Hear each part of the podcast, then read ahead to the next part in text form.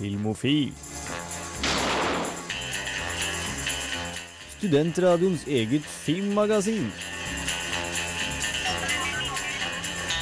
Lights ready? All set. Cameras. Velkommen, velkommen, velkommen til Filmofil her på Radio Revolt. Mitt navn er Jens Erik Våler. Jeg bytter over til min eh, normale norske stemme før eh, min franske dialekt går over til å bli tysk. Den har en tendens til å gjøre det. Eh, som sagt, velkommen til Filmofil her på Radio Revolt. Eh, Jens Erik heter jeg, med meg i studio Kristine Eriksen. Hei, hei. Hei, hyggelig å se deg igjen.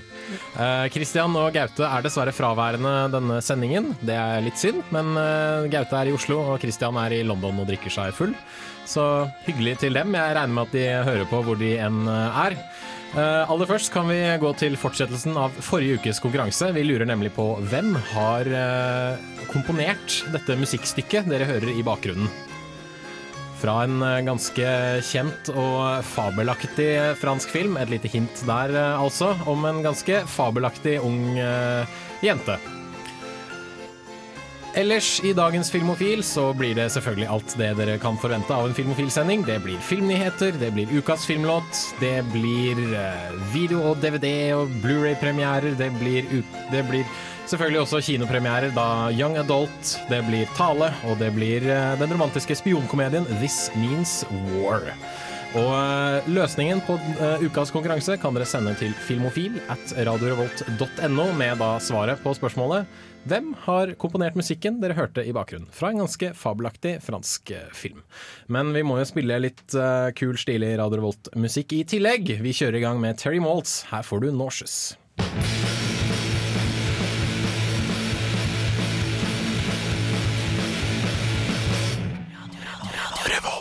Der var vi tilbake. Du fikk eh, Terry Maltz med Norses her på Filmofil på Radio Revolt FM 100 og 106,2. Og vi sparker i gang med filmnyheter. Filmofil gir deg nyhender fra filmen og fjernsynets i spanende vær. Og for eh, fans av norske tegneserier der ute, så kan jeg nevne at uh, den norske serien eh, 'Jeg drepte Hitler' av tegneserieskaper Jason, eller Jon Arne Seterøy som han egentlig heter, uh, har nå blitt kjøpt opp av et amerikansk produksjonsselskap, og den skal lages film av. Eh, For de som ikke kjenner til eh, historien, dette er altså en historie om en leiemorder som er overbevist om at kjæresten hans har tatt en pris på hodet hans. Eh, Men samtidig så får han en mordkontrakt om at han skal reise tilbake i tid og drepe Adolf Hitler. Eh, Høres det spennende ut, Kristine? Ja, absolutt. Det, det, alt med nazier er egentlig kult. Men alt går jo dessverre ikke helt etter planen, for Hitler har selv en eh, tidsmaskin. Eller han tar tidsmaskinen, reiser inn i fremtiden, og det som da skjer er at denne morderen han eldes jo mens han venter på at hans egen tid skal ta igjen Hitlers eh, nye tid. Eh, Jeg har ikke lest tegneserien sjøl, men nå fikk jeg veldig lyst til å plukke den opp, for det høres jo fantastisk spennende ut.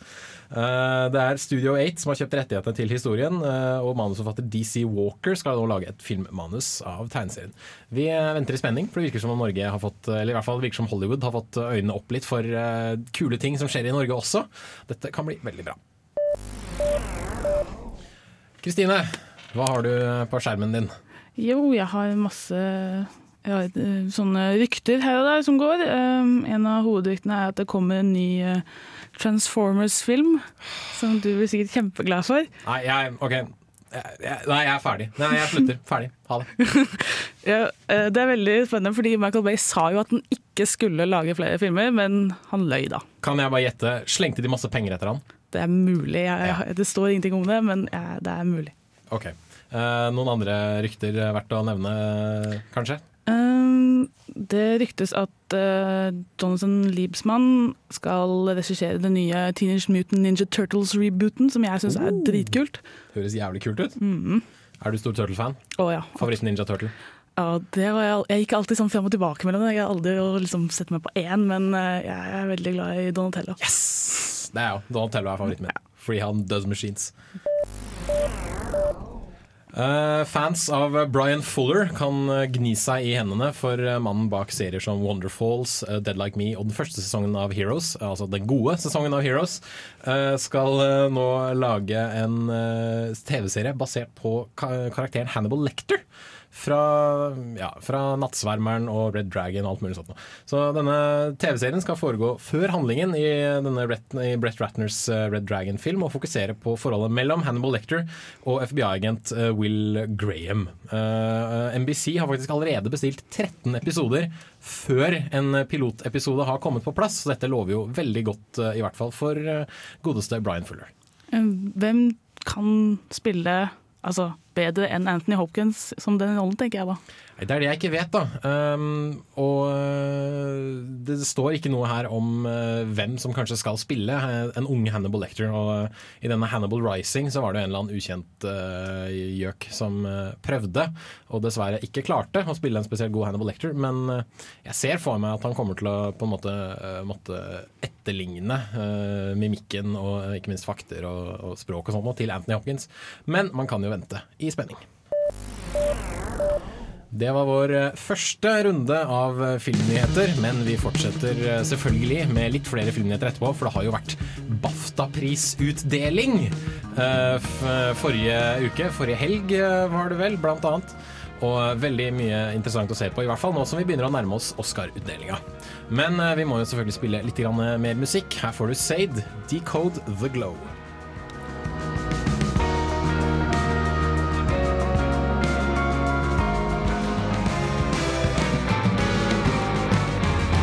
Hei, det her er Josten Pedersen på Radio Revolt. Radio Revolt, 12 points. Takk til deg, Jostein Pedersen. Du hørte uh, Sade med så mye som Decode The Glow her på Filmofil på Radio Revolt FM 100 og 106,2, hvor vi har en ny runde filmnyheter. Filmofil gir deg nyhender fra filmen og fjernsynets i spanende verden. Kristine, du har enda mer å melde, har du ikke det? Jo, jeg har eh, en ny trailer som akkurat har kommet ut. Oh. det er Alltid spennende å se nye trailere. Ja. Denne her er Abraham Lincoln Vampire Hunter. Er ikke det basert på en bok? Jo, det er basert på Det kom en sånn periode med bøker hvor de skrev sånn gamle, klassiske bøker om Eller om til sånn moderne eksempel Pride and Prejudice and Zombies og Sense and Sensibilities and Sea Ja. Monsters. Ah, ja, ja, ja, ja, skjønner. skjønner. Og det skal nå gjøres om til en film. Ja. Hvordan ser det ut ut fra traileren å dømme? Dette er jo radio, så det er litt vanskelig å spille av traileren og håpe på at folk får det med seg. Men eh, forklar, beskriv litt eh, hva vi ser. Ja, vi ser altså en, eh, en ung Abraham Lincoln som da viser seg at innimellom alt dette her å frigjøre slavene og bli president og sånne ting, så Ja. var han også vampyrjeger. Fordi, så vidt jeg forsto det, så var det pga. foreldrene ble drept av vampyrer, og da vil han selvfølgelig ha hevn. Ja, selvfølgelig. Sånn er det jo som regel i vampyrhistorier. Tror jeg han har noen type superkrefter. Han virker som han var veldig sterk i hvert fall. Han uh, greide å hogge ned et svært tre med et eneste økshogg. Så Ser man noe våpen og sånt noe som man bruker i dette her? Altså, det er jo 1800-tallet, kan liksom ikke skyte dem med, med, med pistoler og sånt nå, kanskje? Nei, det så veldig spennende ut. Jeg tror de bruker sånn standard eh, stakes og diverse sånne ting, da. Skjønner. Sjekk ut, eh, Vi kan jo kanskje legge den ut på Facebook-sida vår, facebook.com slash filmofil. eh, traileren for Abraham Lincoln, Vampire Hunter. Og så det store, store, store store som har skjedd eh, i løpet av uka som har gått. Siden, I hvert fall siden forrige gang vi var her i studio og hadde filmofilsending.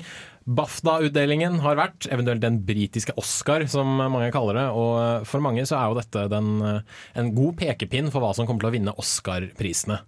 Og eh, ja, det var jo egentlig stort sett filmen The Artist som tok eh, store deler av eh, kaka. Blant annet beste film, beste mannlige skuespiller, beste regi. Eh, Beste originalmanus, eh, beste kostymedesign, beste cinematografi og beste originalmusikk. Eh, Og originalmusikken har blant annet stjålet litt, stjålet litt grann fra Hitchcocks Vertigo, hvorpå en av skuespillerne fra Vertigo mente at The Artist hadde voldtatt en av hennes favorittfilmer. Hva tror du om det, Kristine? Har du noen gang følt deg voldtatt av et stykke musikk?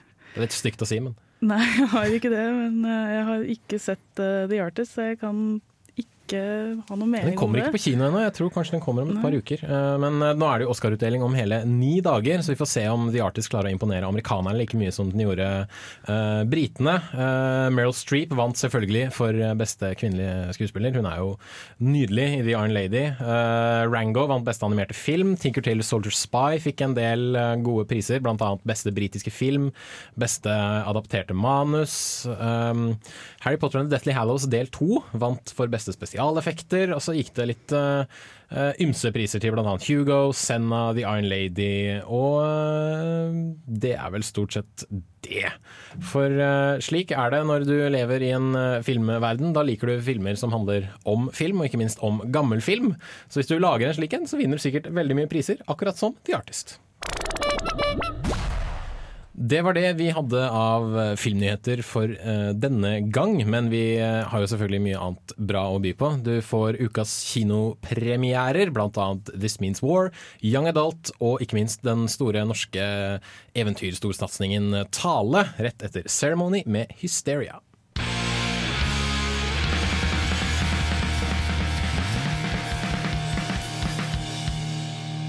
Der var vi tilbake. Filmofil, du fikk Sir Michael Rocks med Out The Jam, Uh, prod by Monsta Beats. Uh, her på Radio Revolt FM 106,2.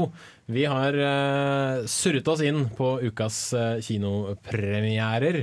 Og aller først ut er Ja, man kan vel kalle det en slags komedie. Young Adult. Skrevet av Diablo Cody, som skrev hvilken film? Det vet jeg ikke. Juno. Å ja, selvfølgelig. Eh, og uh, regissert av Jason Reitman, som regisserte hvilken film? Jeg er så dårlig på å huske Også Juno! Juno. Jeg burde ha gjetta det. Så rett og slett, eh, et radarpar eh, kommer sammen igjen og lager god film. Ja jo, kanskje. Eh, det handler uansett om eh, at eh, vi har nok alle tenkt tanken på at når livet står stille, så var alt så mye bedre før. Ikke sant? Jeg er 24 år og føler meg veldig gammel. Eh, jeg vet at du også er, du er 25. Ja, Ja, jeg skal ikke spørre om du føler deg gammel, selvfølgelig ikke. Men eh, ofte så tenker man at ja, kanskje jeg hadde det bedre da jeg var litt yngre. Kanskje jeg hadde det litt bedre på, på ungdomsskolen uh, osv. osv. Hva het filmen? Den heter Young Adult. eh, og det handler rett og slett om eh, Mavis Gary, spilt av Charlize Theron, som skriver såkalte Young Adult-bøker. Altså bøker for denne Twilight-demografien, vil jeg si. Eh, som bestemmer seg for at uh, nei, livet mitt suger litt, grann, så jeg drar tilbake til, til hjembyen. Uh, og så skal jeg prøve å plukke opp eh, kjæresten jeg hadde på high school, for nå har han fått seg barn og eh, er gift. Så derfor skal jeg redde han fra det jeg mener er et kjipt liv. Så han har blitt voksen, og hun Han har blitt ikke. voksen, og hun har ikke blitt voksen. Hun er 37 og lever fortsatt eh, litt sånn som hun gjorde på high school. da. Hun våkner uh, fyllesyk nesten hver eneste morgen, lider av relativt kraftige depresjoner, men mener allikevel at hun har gjort det stort da, i og med at hun har flyttet til Minneapolis. Uh. Yes. Eh, så kommer hun tilbake til denne ja, en lille småby, kan man kanskje kalle det. eh, hvor eh, det viser seg at folk har kommet seg videre. Og eh, så møter hun Matt, spilt av Patten Oswalt. Jeg er stor fan av Patten Oswalt. Jeg synes han er kjempemorsom. Han er også en sånn type som, som sliter litt med å komme seg videre, da, for han, han er litt stuck i high school-åra, han også. Så finner jeg et sånt lite godt vennskapsforhold mellom de to, mens da Mavis forsøker å sjekke opp, sjekke opp gamlekjæresten og stjele han vekk fra, fra kona si. Høres dette spennende ut? Jo, altså Det høres ikke helt ut som noe for meg, men det kan jo være spennende. Jeg må gi en sjanse. Er det Driver hun med sånn AI påfunn for å få han til å komme tilbake til henne? Er det noe sånn Def, altså det kommer litt an på hvordan du definerer rare påfunn. Det er veldig mye uh, sexy, trange kjoler med store utringninger og veldig mye sånt nå, for hun skal jo være storbymenneske, ikke sant? Mens uh, han, denne Buddy uh, Åh, Buddy Slade, som er gamlekjæresten, han er veldig sånn, kler seg litt som en sånn, ja, en, en lumberjack, holdt jeg på å si. En, en skogvokter med liksom flanellskjorter og svære boots og jeans og veldig sånn praktiske klær. Da. Um, men eh, hele filmen handler rett og slett om å på en måte gi slipp på fortida og kunne liksom leve litt mer i nuet og innse det at eh, ja, du eh, tror kanskje at du hadde det bedre før, men livet ditt nå er kanskje ikke så bra hvis du trodde det var så fantastisk tidligere, da du var en liten eh, hoven blei på high school. Um, litt av problemet jeg har med filmen, er det faktum at Mavis er en skikkelig kjerring. ja, Så du identifiserte ikke med henne i det hele tatt? Nei, og det er ikke bare fordi jeg er mann og hun er kvinne, men hun er skikkelig, skikkelig kjerring. Hun er ondskapsfull, nesten. Ja, altså, men er ikke det litt sånn poenget med filmen? At vi skal liksom se det, liksom det mørke av i oss i henne? Ja, Men jeg vet ikke om jeg ser så mye altså, Jeg sier ofte at jeg er et rasshøl sjøl, men jeg vet ikke om jeg ser så veldig mye av meg selv i henne. Uh, allikevel så er det Det er en del sånn mørk humor, da, at hun er fullstendig uh, hun, hun klarer rett og slett ikke å innse at hun oppfører seg såpass umenneskelig mot andre mennesker. Og Sånn sett er det litt morsomt. Men ellers så sitter jeg bare der og river meg i håret og tenker at ja, men faen heller, da. Hvorfor kan du ikke Hun er barnslig, rett og slett. Ja. Hun lever som karakterene i bøkene hun skriver. Eh, på en veldig sånn ungdommelig og sånn tja, type måte. da Det vi kaller liksom den Bærumsberta, der jeg kommer fra. Um, men allikevel, uh, det er en veldig smart film. Ganske tørrvittig, syns jeg. Og uh, jeg liker forholdet mellom Charlize Theron og Patton Oswalt. De spiller veldig bra sammen, som da Mavis og Matt. Og til tross for at Mavis er en av de jævligste hovedpersonene jeg noen gang har møtt på, så eh, går det faktisk ganske godt an å se denne filmen. Det er ganske spennende. Charlize Theron er flink til å spille drittkjerring. Og Patton Oswald er flink til å spille litt sånn sur, uh, gretten, uh, halvfeit nerd. Og jeg liker det, rett og slett. Det blir en terningkast fire. Så hvis du har lyst til å se en litt, litt annerledes morsom romantisk komedie, se gjerne Young Adult på kino denne uka. Eh, Den kommer på Trondheim kino nå på fredag, eh, så løp og dra på kino. Vi sirkler videre vi med This Means War etter at du får Night Beats, Puppets on a String.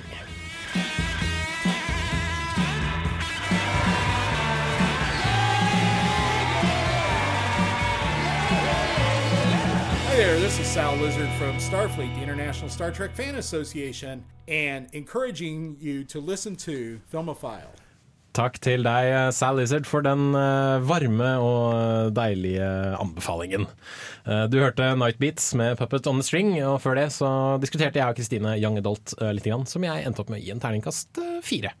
Eh, Men det har jo faktisk vært eh, denne Valentine's Day eh, på tirsdag den eh, 14. Eh, rent personlig er jeg ikke spesielt eh, fan, fordi jeg er en gammel og bitter kynisk mann. Men eh, normalt på Valentine's Day er jo disse romantiske komediene. Og du Kristine har jo vært og sett en litt annerledes romantisk komedie. Ja, det er en romantisk komedie som prøver å være en actionfilm, og ja, greier det noen ganger, noen ganger ikke. Ja. Kristine Kristine har anmeldt This Means War med Chris Pine, eh. Reese Witherspoon, unnskyld. Og uh, hva er det han siste heter igjen? Tom Hardy. Tom Hardy, ja. Han er jo Han er kul. Han er en kjekkas, er han ikke det? Å ja. Yes, Vi hører hva Kristine har å si om This Means War.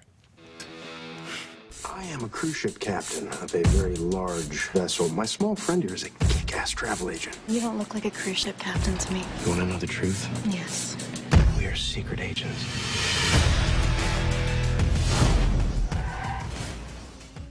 Har du en kjæreste som drar deg med på den ene romantiske komedien etter den andre? Da kan det hende du tror den romantiske actionkomedien This Means War er perfekt for dere. Du kan nyte slåsskampene og spionspillet, mens dama kan kose seg med det romantiske trekantdramaet. Det høres flott ut på papir, men man må være ærlig. Det er langt mellom gode actionkomedier, for ikke å snakke om romantiske komedier. Å blande de sammen sikrer ikke nødvendigvis høyere kvalitet.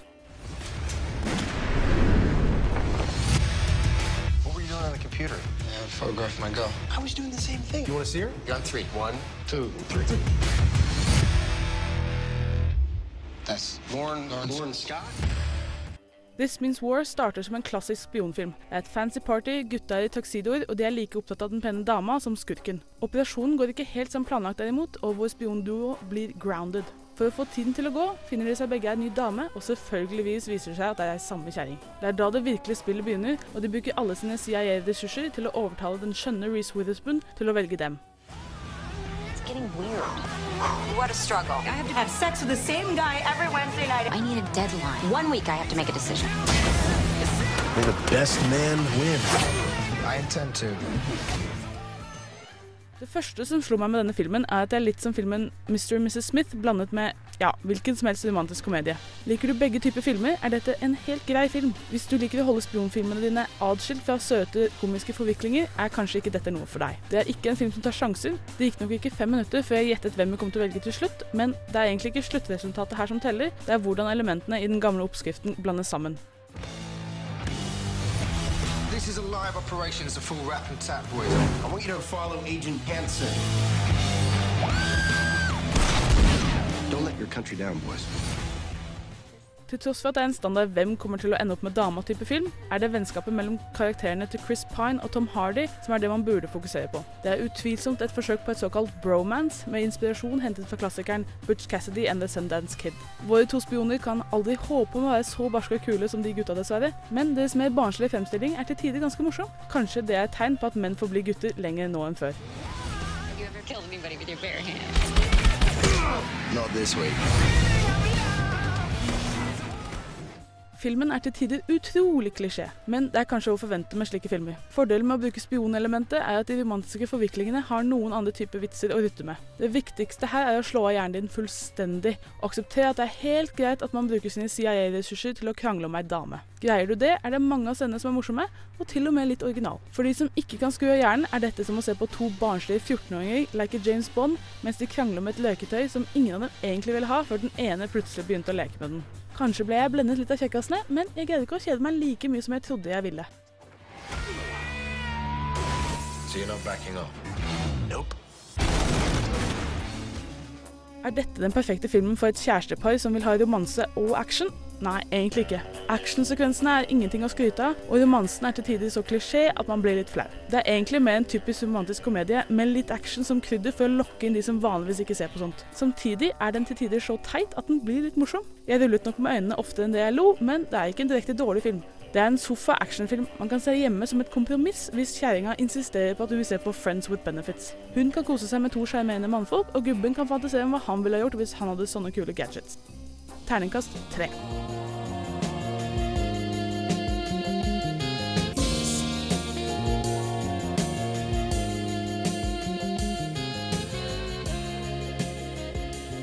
Du hører på Radio Revolt, studentradioen i Trondheim.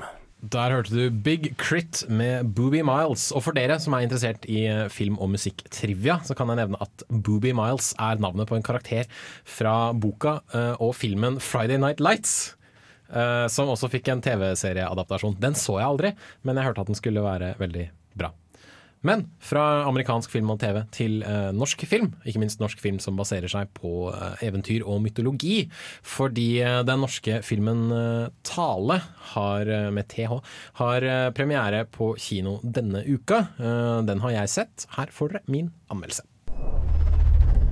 For ganske lenge siden begynte vi. Vi som en dag skulle bli mennesker og skjønne styrken i antall. Det å være flere. Så vi flokket oss sammen og tilpasset individet til fordel for fellesskapet. Men her og der var det de som falt utenfor. Etter pangstarten med Trolljegeren i 2011 vedvarer filmindustriens fascinasjon for eventyr, sagn og mytologi i 2012. Den norske filmen Tale føyer seg godt inn i denne kategorien, der den blander realisme med mytologi i ganske skjønn forening. Filmen har blitt hederlig omtalt på mange internasjonale filmnettsteder, og har endelig kommet ut i Norge. Er dette en verdig arvtaker etter Trolljegeren, eller burde dette eventyret forbli ufortalt?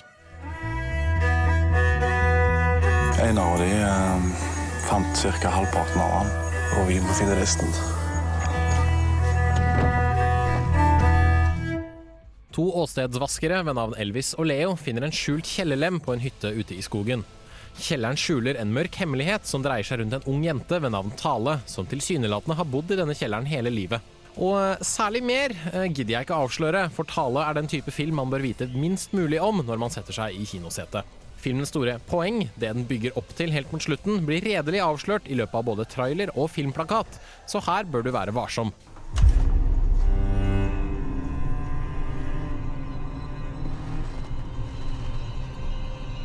Denne her gikk ut på dato i 89. Akkurat som i Trolljegeren handler Tale om vanlige mennesker som må komme overens med det faktum at det finnes en større verden der ute enn det de hadde trodd. Filmen er på sitt beste når denne mytologiske eventyrverden hintes til i bakgrunnen av filmens virkelige verden. Den burde ha forblitt i bakgrunnen, for når den store avsløringen kommer, er det litt som da vi fikk se romvesenene i Science.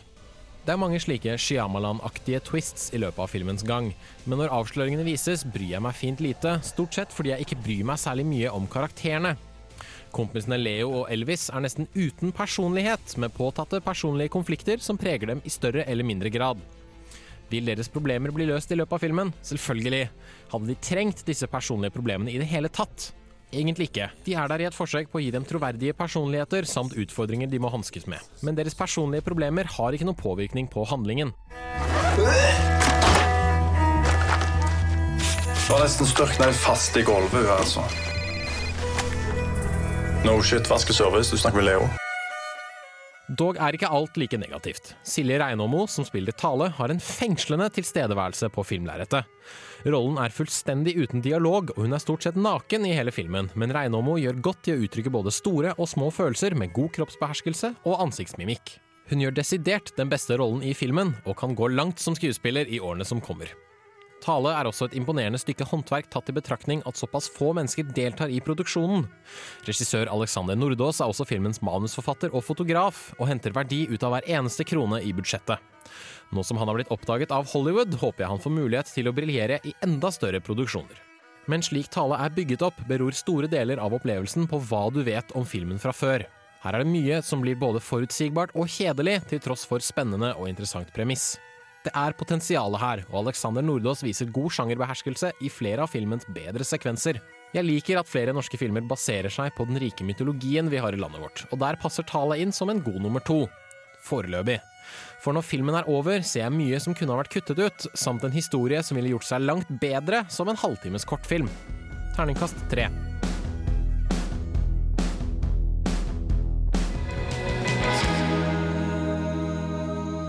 Play it once, Sam.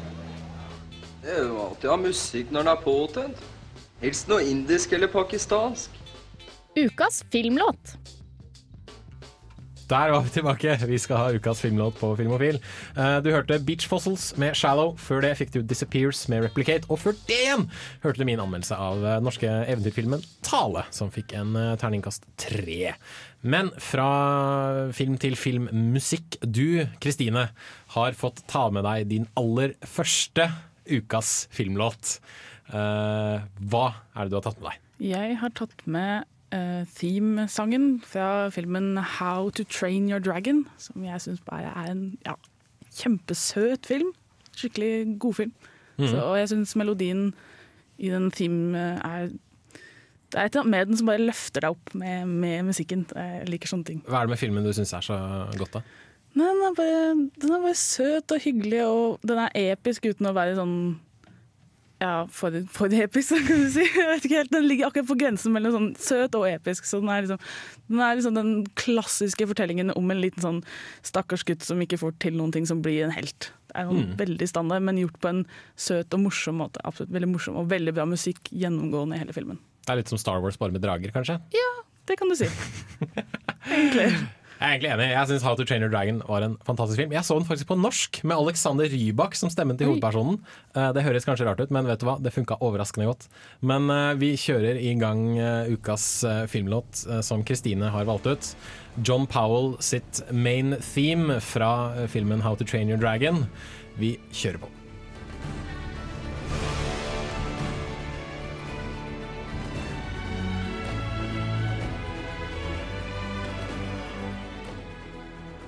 Ah, det er herlig!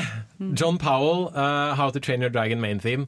Vi skrudde høyttalerne i studio på maks, og ja, fløy egentlig rundt begge to, gjorde vi ikke det? Ja. Det, er, det er på høyde med John Williams. Det bare løfter deg opp og, og gjør at du svever, rett og slett. Uh, jeg må OK. ok Nå, ok, mm, Ned på jorda igjen. Ok, Ned på jorda. Vi skal ha Videonytt. Nytt i videohylla. Rykende ferske digitalfilmer som du kan ha i din heim. Og eh, som alltid er det ja, noe spennende, noe ikke fullt så spennende, og noe helt OK å velge av i eh, av eh, ukas Blu-ray og DVD, eller videopremierer, da, som vi kaller det. Eh, For de som er fan av dårlig anime, altså dårlige japanske animasjonsserier, så er Bayblade Metal Fusion eh, del fem og seks ute på DVD. Jeg vet ikke hva dette er. Jeg har ikke sett noe på det. Eh, for dere som er glad i humor, Conan O'Briens dokumentar 'Can't Stop'. Er ute på DVD denne uka. Har du sett den? Nei, jeg har ikke det, men jeg har veldig, veldig lyst. Jeg har sett noen klipp eh, fra den. Dette er da den turneen han gikk på etter at han fikk sparken fra, fra, av sin tidligere arbeidsgiver. Eh, Da gikk han ut på sin Legally Prohibited from Being Funny on Television Tour. Og Her får vi da se Conan O'Brien på sitt beste og sitt verste som komiker. For det viser seg at eh, ja da, han er morsom, men han er litt drittsekk òg. For de som er fans av Rowan Atkinson, så kommer eh, Johnny English, den første filmen, ut på en relansering på DVD. Og ikke minst Johnny English Reborn er ute på video denne uka. eh, For de som er fans av han. Hvis du er glad i smurfene, så er det veldig mye sånn kortfilmer med smurfene som er ute på, på DVD. Sure, why not? Uh, Tropa de Elite uh, er også ute på Blu-ray og DVD denne uka. Den fikk ganske god mottakelse da den kom. Den har jeg dessverre ikke sett, men uh, den skal visstnok være veldig bra. Vi har den på Blu-ray her i Filmofil. Det kommer nok en anmeldelse om ikke så altfor lenge. Uh, sesong to av The Good Wife, som jeg vet Aksel i Blyforgiftning og Nashville er veldig eh, glad i. Uh, ja, jeg mobber han litt for at han ser på kvinneserier, men eh, det får så være. Og ikke minst, hvis du er glad i norsk film, eh, 'Sønner av Norge'. eh, som jeg tenkte jeg kunne snakke litt om etterpå, for den har jeg eh, sett. Men hvis du vil ha en kort oppsummering av 'Sønner av Norge', Sven Nordins penis. Rett og slett. Også litt punkrock og sånt da. Men du har ikke sett den? Nei, jeg har ikke det, men nå må jeg se den. uh, ikke bare Sven Nordins penis, men også Sven Nordin med veldig stort 70-tallsskjegg.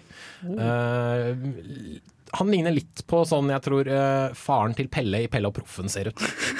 Rett og slett.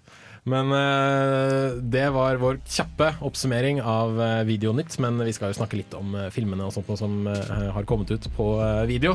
Eh, vi skal også ha ukas eh, serieanbefaling når vi nærmer oss slutten av uh, sendinga. Men her får du Flatbush Zombies, Thug Waffle. Yeah. Yeah. Yeah. Uh, yeah. Du lytter til Filmofil på Radio Revolt. Besøk oss gjerne på våre nettsider på radiorevolt.no filmofil. Der finner du meldinger av kino- og videopremierer, og i tillegg podkast av alle våre sendinger. Har du ris eller ros, tips eller triks, kontakt oss gjerne på elektronisk post. Filmofil, krusedullalfa, radiorevolt.no.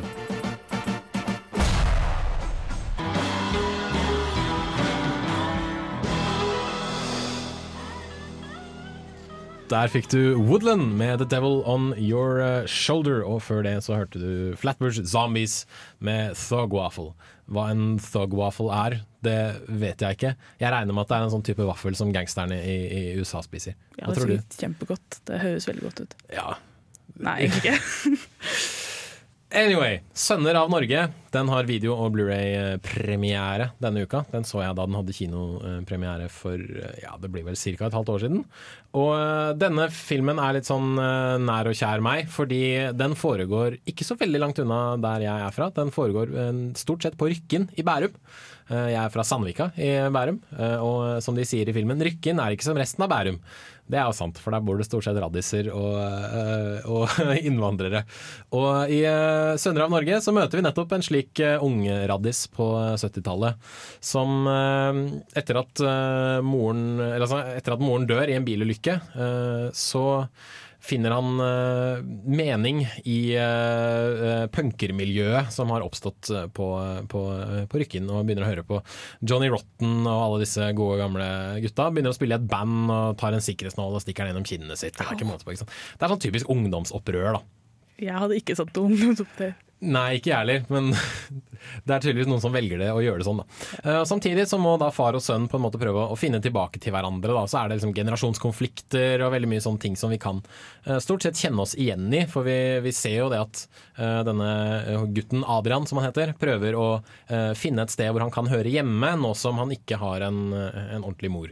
Og Filmen er for så vidt også ganske morsom. Det er bl.a. en scene hvor Adrian og lillebroren går inn på foreldrenes rom mens de har sex. Eh, Og faren, spilt av Sven Nordin, snur seg selvfølgelig og spør Hei gutter, har du lyst til å se på et skikkelig knull, eller? Uh, det le, sånn, ler, sånn ler jeg. Jeg syns det var litt morsomt. Uh, men uh, også er det rett og slett at far og sønn prøver å, å finne sammen. Far prøver å vise en interesse i det sønnen driver med, og sønnen vil ikke ha noe med faren å gjøre. Uh, og som jeg nevnte tidligere med Sven Nordins penis, de drar til en nudistkoloni i Sverige. Av alle ting. For det er sånn fedre gjør med, med sønnen sin, tenker jeg, når de skal finne tilbake til Eller finne sammen igjen. Um, hvor, uh, hvor Adrian eh, strutter rundt i en fin, trang, uh, liten blå speedo, mens far går og, frier, nei, går og nyter uh, den frie, deilige natur. Ja. ja. Men for å komme seg dit, så har de også pussa opp en sånn her liten motorsykkel. Altså det er det som gjør at de Ja. Så roadtrip til det er rett og, slett, rett og slett en roadtrip til en nudiststrand. Men eh, det er også en ganske kul og veldig rocka film. For eh, det er veldig mye sånn punkrock-type uh, lydspor. Og uh, Adrian blir jo etter hvert eh, med i et uh, band også, eh, som spiller en del eh, punkrock. For å ja, rett og slett finne seg sjøl. Og finner han seg sjøl til slutt? Ja jo, jeg tror vel hele poenget med filmen er at man skal si eh, eh, litt, Gi litt fingeren til eh, alt og alle og innse det at det er mitt liv, jeg må leve det på min måte, men jeg kan prøve å finne trygghet i, eh, i andre grupper. Og det tror jeg er en fin, fin meddelelse å ha med seg. Og eh, godt skuespill rundt det hele, spesielt av eh, han som spiller Adrian, eh, Sven Nordin, eh, ikke minst. Og egentlig et stort, godt ensemble med ganske unge, men også lovende norske skuespillere. Det gjør at Sønner av Norge fikk en terningkast fem av meg da den hadde kinopremiere. Og jeg har sett filmen på nytt, og det står jeg faktisk for fortsatt. Du, fikk du lyst til å se Sønner av Norge nå? Absolutt. Ja, nå fikk jeg skikkelig lyst til å se den, faktisk. Jeg har ment å ha sett den lenge, men nå, nå må jeg slå til. Det er også en sånn ålreit norsk film som, som ikke er sånn typisk sosialdrama eller en sånn buddy-komedie. For den har litt sånn Den har veldig kjipe øyeblikk, og så har den noen veldig morsomme øyeblikk, men den klarer å balansere det på en veldig god måte. Og uh, det er rett og slett en ja, litt hardtslående, litt sterk, men også litt sånn varm, koselig film.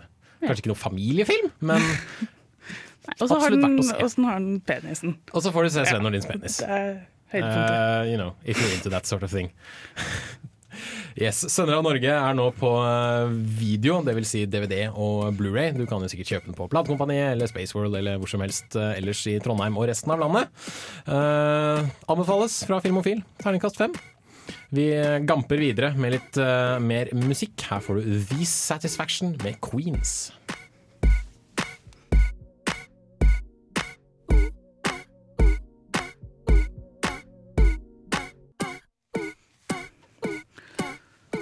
Der fikk du The Satisfaction med Queens. Eller Queen S, om du vil. Uh, Stilig Jeg vet ikke hva jeg skal kalle Nei, vi er ikke et musikkprogram. Jeg gidder ikke prøve å klassifisere det som noe som helst i det hele tatt. Johnny English. Spion. Awesome. Parodi på James Bond. Du liker det. Er ikke, jeg vil ikke si det som Eller- en parodi, egentlig. Jeg, altså, jeg syns han er bare awesome helt av seg selv. Jeg syns han står på helt egne bein. Og han er, altså, det er Rowan Atkinson, liksom. Han er kul. Det er jo The Man, det er jo Blackadder, Mr. Bean, alle de gode, gode, gamle greiene vi kjenner til. Men har du sett uh, Johnny English Reborn? Det har jeg. Og du syns den var awesome også? Jeg syns den var altså, som, For å være en liksom, sequel, så er den utrolig bra i forhold til andre sequels. Så jeg syns den ga ja, like mye som den første. Den var kanskje, noen vil kanskje si at den gjentok noen spøker, men jeg syns generelt så var den original. Altså. For jeg, så den, jeg så den første filmen, den syns jeg var veldig morsom. Mm. Uh, selv om den det, det var litt sånn billig humor i ny og ne, da. Eh, når han får sånne lammelsesgreier lammelsesgreier sprøyta inn i seg, og når han kaster seg over John Malkovich og banker han opp innenfor Westminster Abbey. Eh, men allikevel, så Som du sa, det er jo Rowan Ja, Atkinson. og han er god på fysisk humor. Yes, det er, det er, det er slapsticken Mm. han kan, rett og slett. Og det, liksom, det er liksom, sånne små ting ved, med liksom ansikt og øyne og hvordan de beveger seg. Det er blant annet eh, noe man så i traileren til den første filmen, hvor en eksplosjon foregår rett bak han. Mm. Og så ser du at han har en veldig sånn god øy, øynekontroll, fordi de beveger seg sakte, men sikkert fra, liksom, fra venstre og helt over til høyre, liksom, mens han da snur seg rundt for å se på denne eksplosjonen som nettopp har foregått bak han. Mm. Uh, og det var jo han som eh, sto for sikkerheten på dette huset. Ja, og hvis du ser på noen sånne intervjuer, og sånne ting, så viser det seg at han, Rowan Atkinson er veldig perfeksjonist. Så det er ikke noe rart at du merker sånne små detaljer, for han, han kan holde på i evigheter og gjøre det minste scene. Altså. Mm. Eh, litt av problemet med å se på han i intervjuer er at det viser seg at han er litt kjedelig sånn ellers. Han sier det sjøl at, jeg- altså, at 'jeg er en fyr som er morsom på skjermen, så derfor er jeg kjedelig ellers'. Men han, han var jo på Top Gear og vant. Altså, nå er han ikke på toppen lenger, men han var på toppen. Ja, Men er det ikke han som har en av Storbritannias største samling av sportsbiler jo, også? og det er kul, da. Det er jo interessant i Det jeg selv, si. det. Det vil jeg si. Uh, men ja, sånn i, i bunn og grunn, Rowan Atkinson er en kul mann. Uh, og Johnny English Reborn, altså oppfølgeren til Johnny English, eh, er ute på Blu-ray og DVD denne uka. Den tok Gaute en uh, titt på da den hadde kinopremiere, så da får vi høre om han er enig med deg, Kristine. For du, hvis du kan trille en terningkast sånn kjapt. Eh, ja, en, jeg syns en grei firer. Helt, En grei helt, firer. helt grei firer. Da hører vi hva Gaute hadde å si om Johnny English Reborn. Have hidden from the walls. Now I will make you warrior again. How? Rowan Atkinson er tilbake i rollen som etterretningsagenten Johnny English, i filmen som de så fint har kalt Johnny English Reborn. Det er en karakter som best kan beskrives som en hybrid mellom Donald Duck og James Bond. The world's greatest spy Johnny English. Work hard, play hard. is back. And deadlier than ever. You've been away for some time, English. But you haven't been forgotten.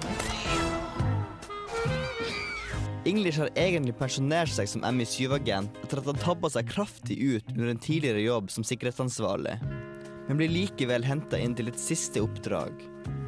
Oppdraget går ut på å stoppe et attentatforsøk på den kinesiske statsministeren. Og det er bare English sine uortodokse metoder som kan stoppe det her fra å skje. You made a laughing stock out of this service once, not on my watch. Clear? Sir, the Chinese man in spectacles. Contact. Evening. Your grandmother is sick. Well, she's dead. That's how sick she is. Det de får servert, er engler som klumser rundt omkring og prøver å finne spor ved bruk av hans merkelige etterforskningsmetoder.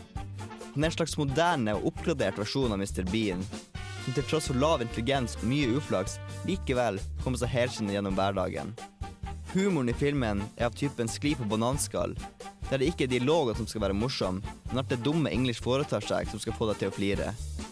Så hvis det er det her som trigger lattermuskelen din, må jo John English være midt i blinken. Hvis ikke, styr unna. There is a plot to kill the premier. Time is of the essence. Where are we on security? English? Give me 24 hours. Den veldig enkle humoren og det forutsigbare og minst like enkle plottet gjorde det her til en kjedelig affære. Det er ikke ofte man blir søvnig av å se en actionkomedie, uansett hvor god eller dårlig den er. Men det her klarte altså Johnny English Reborn. Terningkast to. It's the killer from Hong Kong. Murderous crone. I've got her. You old hag. She's the killer. She's my mother! Stepped on some mud wings to day I nearly broke away. A seagull's love, but you should never give it up. Give it up. Mac DeMarco fikk du her på Filmofil på Radio Revolt FM 100 og 106,2 med I'm a Man. Og før det så fikk du Pond med Mothwings, en radio-edit. Før det igjen, eh, Gaute sin anmeldelse av Johnny English som fikk en terningkast to eller tre. Som jeg ikke jeg husker ikke helt, men det var en terningkast to. To. to det var en toer, ja. Mot eh, Kristine sin terningkast eh, fire. Så du får egentlig velge selv om du vil høre på han som har dratt til Oslo for å spille revymusikk, eller de som faktisk møter opp for å ha sending. Eh, Jeg vet ikke. Jeg, jeg, jeg vet hvem jeg skal høre på, i hvert fall, for å si det sånn. Men uh, vi gamper litt videre til uh, Vi skal snakke litt om TV-serier. Ukas serieanbefaling. Hei! Hei! Det er ikke 90s sitcom-flashback. Ta og Skru på noe annet. Ja, bedre, men prøv igjen. Der, ja! Ahem. Filmofil presenterer ukas serie. Det stemmer. Ukas eh, serie, den er det du som presenterer, Kristine. Og eh, det er vel litt passende at det er akkurat denne musikken som går i bakgrunnen. Det er det, for det her er nemlig teamsangen til Game of Thrones. Som er absolutt en av de beste seriene Ja, jeg kan huske jeg har sett uh, en god stund, tror jeg. Den tok vel verden med, med storm, vil jeg tørre å påstå, uh, for ca. et ja, drøyt trekvart år siden, da den først kom på, på TV. Det var nok det. Mm, den er eh, Jeg har lest bøkene også, og det er et eller annet med dem som bare Du, du er totalt inne altså, Du er inni denne verden her, og du trenger ingenting annet. Det er liksom og den beste adopteringen av en bok jeg noensinne har sett, og jeg tror absolutt det er fordi de valgte serie og ikke film, for hadde det vært film, så hadde det ikke funka i det hele tatt. Absolutt enig. Og de har liksom De forandringene de har gjort, det merker du er gjort for en veldig god grunn for å virkelig gjøre det bra på TV. Men åssen forandringer er det som har blitt gjort? For Jeg hørte noe, altså jeg har jo sett serien selv, men for, de, for, for lytteren der ute som kanskje ikke har så veldig mye kjennskap til, til bøkene kontra, kontra serien. Ja, altså det er jo veldig mye sånn Altså Det er en verden, fantasiverden med masse sånn politiske intriger, og du har liksom krig som liksom kommer snart. Du merker at det er liksom alle driver og gjør seg klar til den store krigen. Og i bøkene så er det veldig sånn at du går fra én karakter til en annen. Hver, hvert kapittel er én karakter, men i, det er vanskeligere i en serie, selvfølgelig. Mm. Så veldig mye ting som man får fra én synsvinkel i boka, er på en måte gjort litt mer bredere da, i, på TV. Mm. Eh, Det er også noe med at noen karakterer er litt eldre enn det de egentlig er ellers. Ja, det kan du jo diskutere. Jeg, altså, jeg syns alle karakterene er veldig bra. Jeg tror ikke det gjør noe egentlig at de endrer på sånne små ting som det. Og jeg tror, det første gangen tror jeg at når jeg går tilbake til boka nå, så forestiller jeg meg de karakterene. Og det har aldri skjedd før. Det er jo litt sånn, altså, når jeg, Hvis jeg leser 'Ringenes herre', så ser jo jeg for meg Elijah Wood og Sean Astin. Jeg, ser liksom ikke mine egne Frodo Ja, det- og Sam. Det gjør ikke jeg. jeg kan ikke? Ikke? det greier ikke jeg. Ikke Harry Potter engang. Jeg må ha, det er liksom første gangen det har skjedd meg, og jeg var veldig overraska. Men eh, det er et eller annet med den serien som den, er så, den, den føles som en film, egentlig. En veldig veldig lang film, fordi det er så bra lagd. Dette er jo HBO, da. de spytter jo veldig mye penger inn i TV-produksjonen sin. Uh, tror du det kan ha noe med, med liksom det, den filmatiske, store, episke følelsen? Ja, jeg tror absolutt det har, det har Penger har absolutt å si her, fordi det er, det er Du merker at alle detaljene er veldig bra. Altså kostyme og ja, bare, altså bare åpningssekvensen er jo helt genial lagd.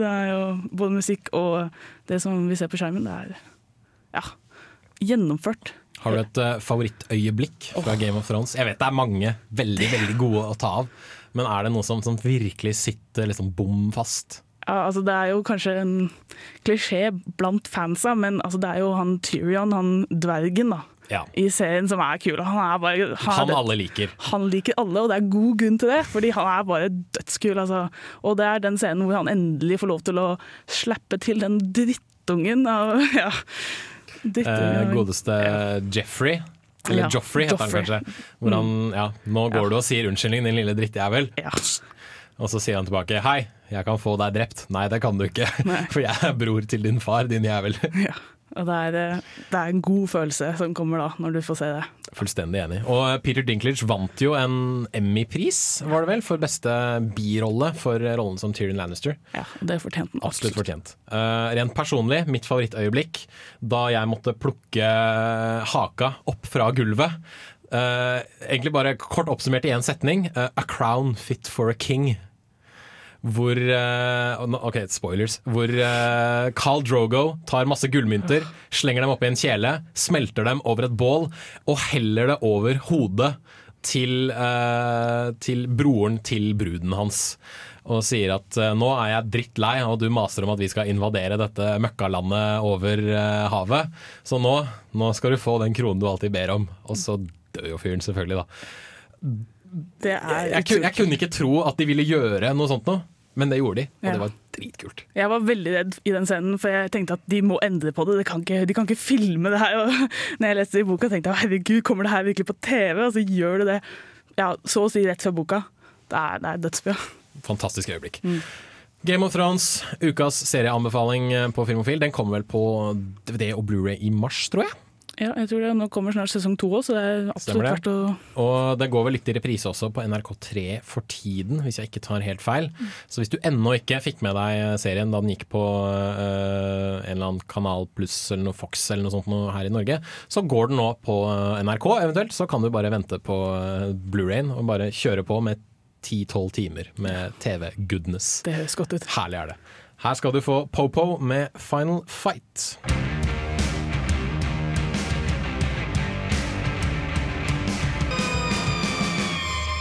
Hei, dette er Nicolai Kleve Broch. Eh, Jeg vil bare si, hør på Filmofil, så får du med deg mye bra stoff om film.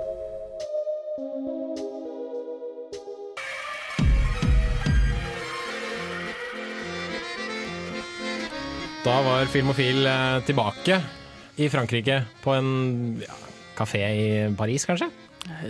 Hvorfor ikke? Og så står det en sånn derre fel... Nei, ikke så kommer det en veldig hyggelig hva heter den, den, den tingen jeg prøver å, finne? Trekkspill? Trekkspill, ja!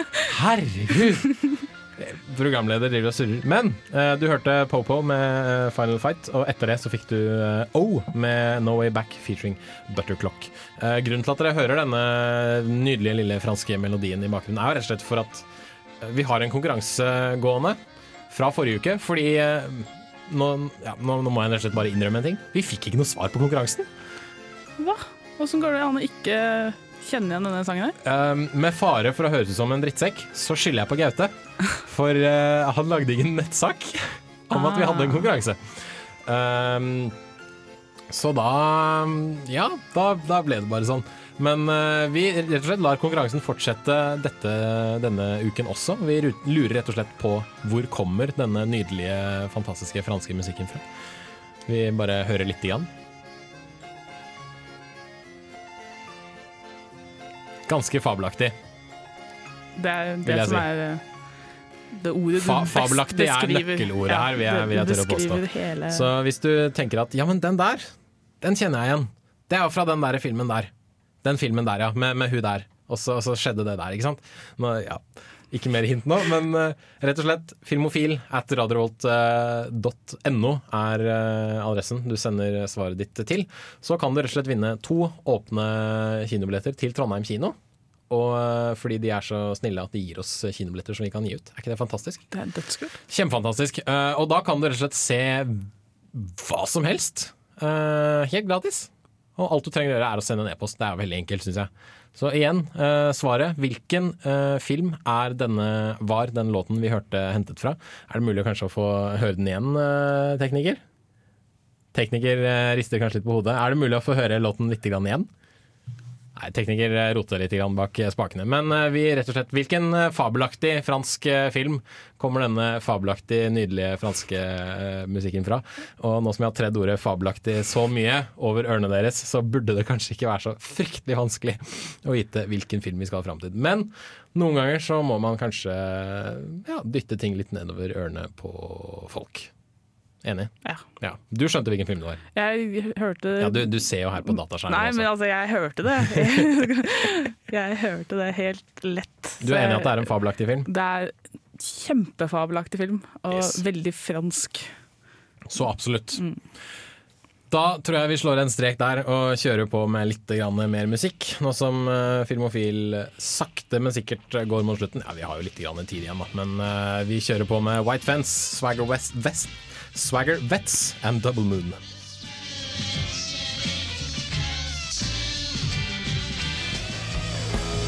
Hei, det her er Josten Pedersen på Radio Revolt.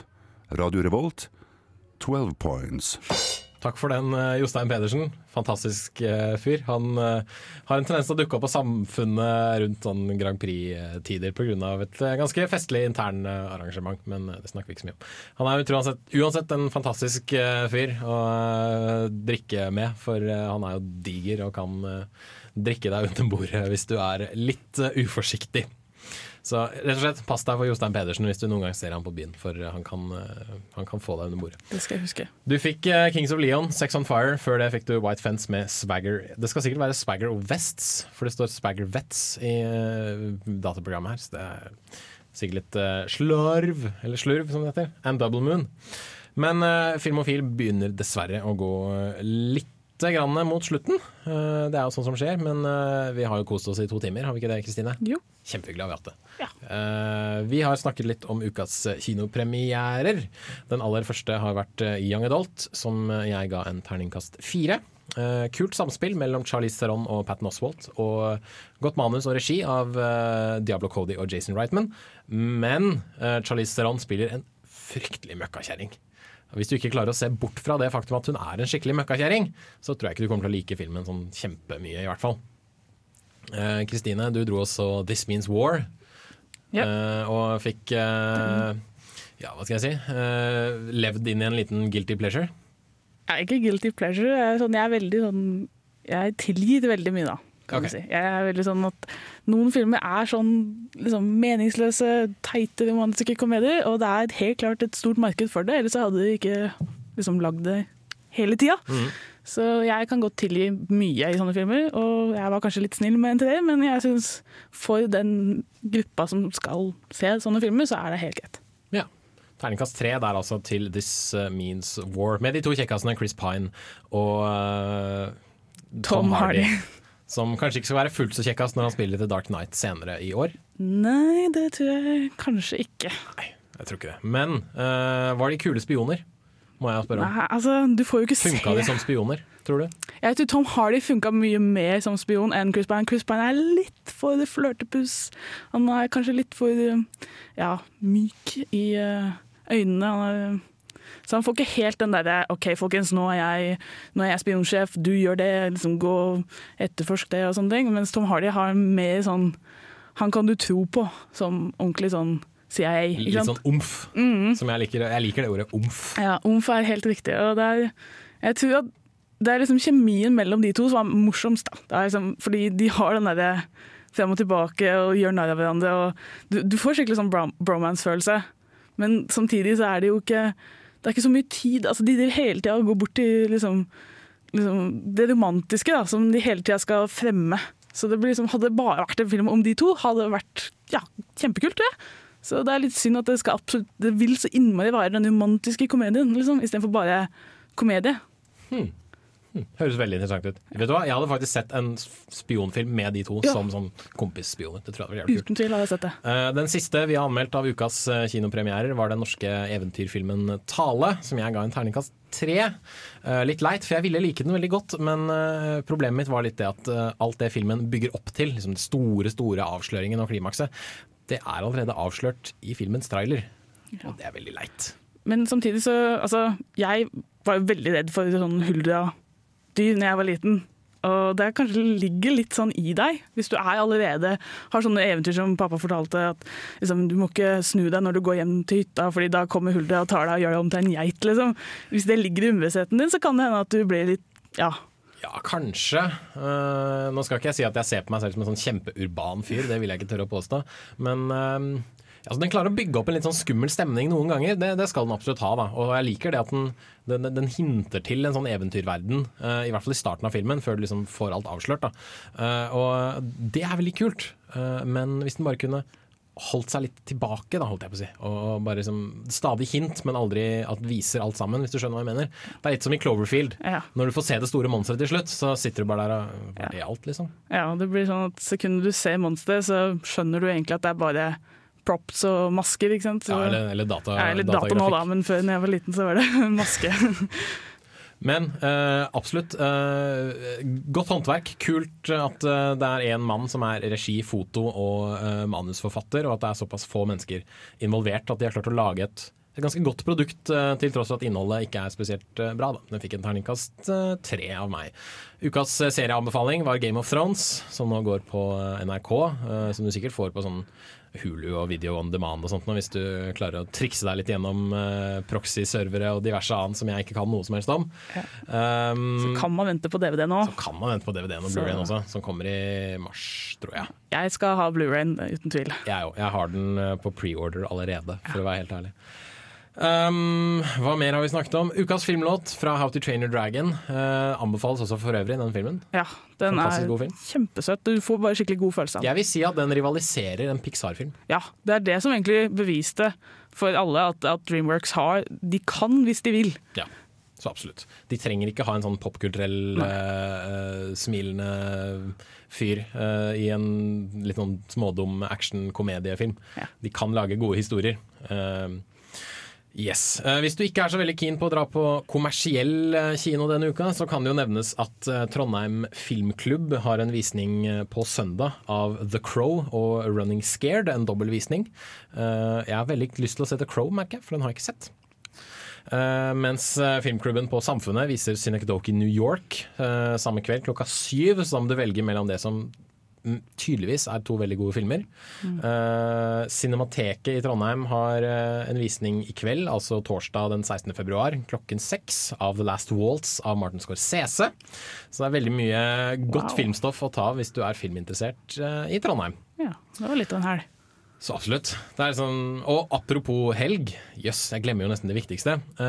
På Brukbar og Supa på fredag har Radio Revolt en såkalt takeover. Vil si at uh, DJ-ene fra våre beste musikkprogrammer, bl.a. Blyforgiftning, Nashville og Teknovikingene, kommer til å spinne plater og vise deg hva den gode Radio Revolt-musikken virkelig handler om. Uh, så på Brukbar klokka 11 sparker vel hele festen i eh, gang, hvis jeg ikke husker helt feil. Uh, og hvis du ofte har lyst til å høre Hvis du har, tenkt, eh, hvis du har hørt på Radio Revolt og noen gang tenkt at det her var jævlig kult, men jeg vil høre mer, mer musikk, så kan du komme på Brukbar og Supa og ta en god fest sammen med oss. For eh, jeg tror nesten samtlige fra Radio Revolt kommer til å være der, i hvert fall de som er i byen, da.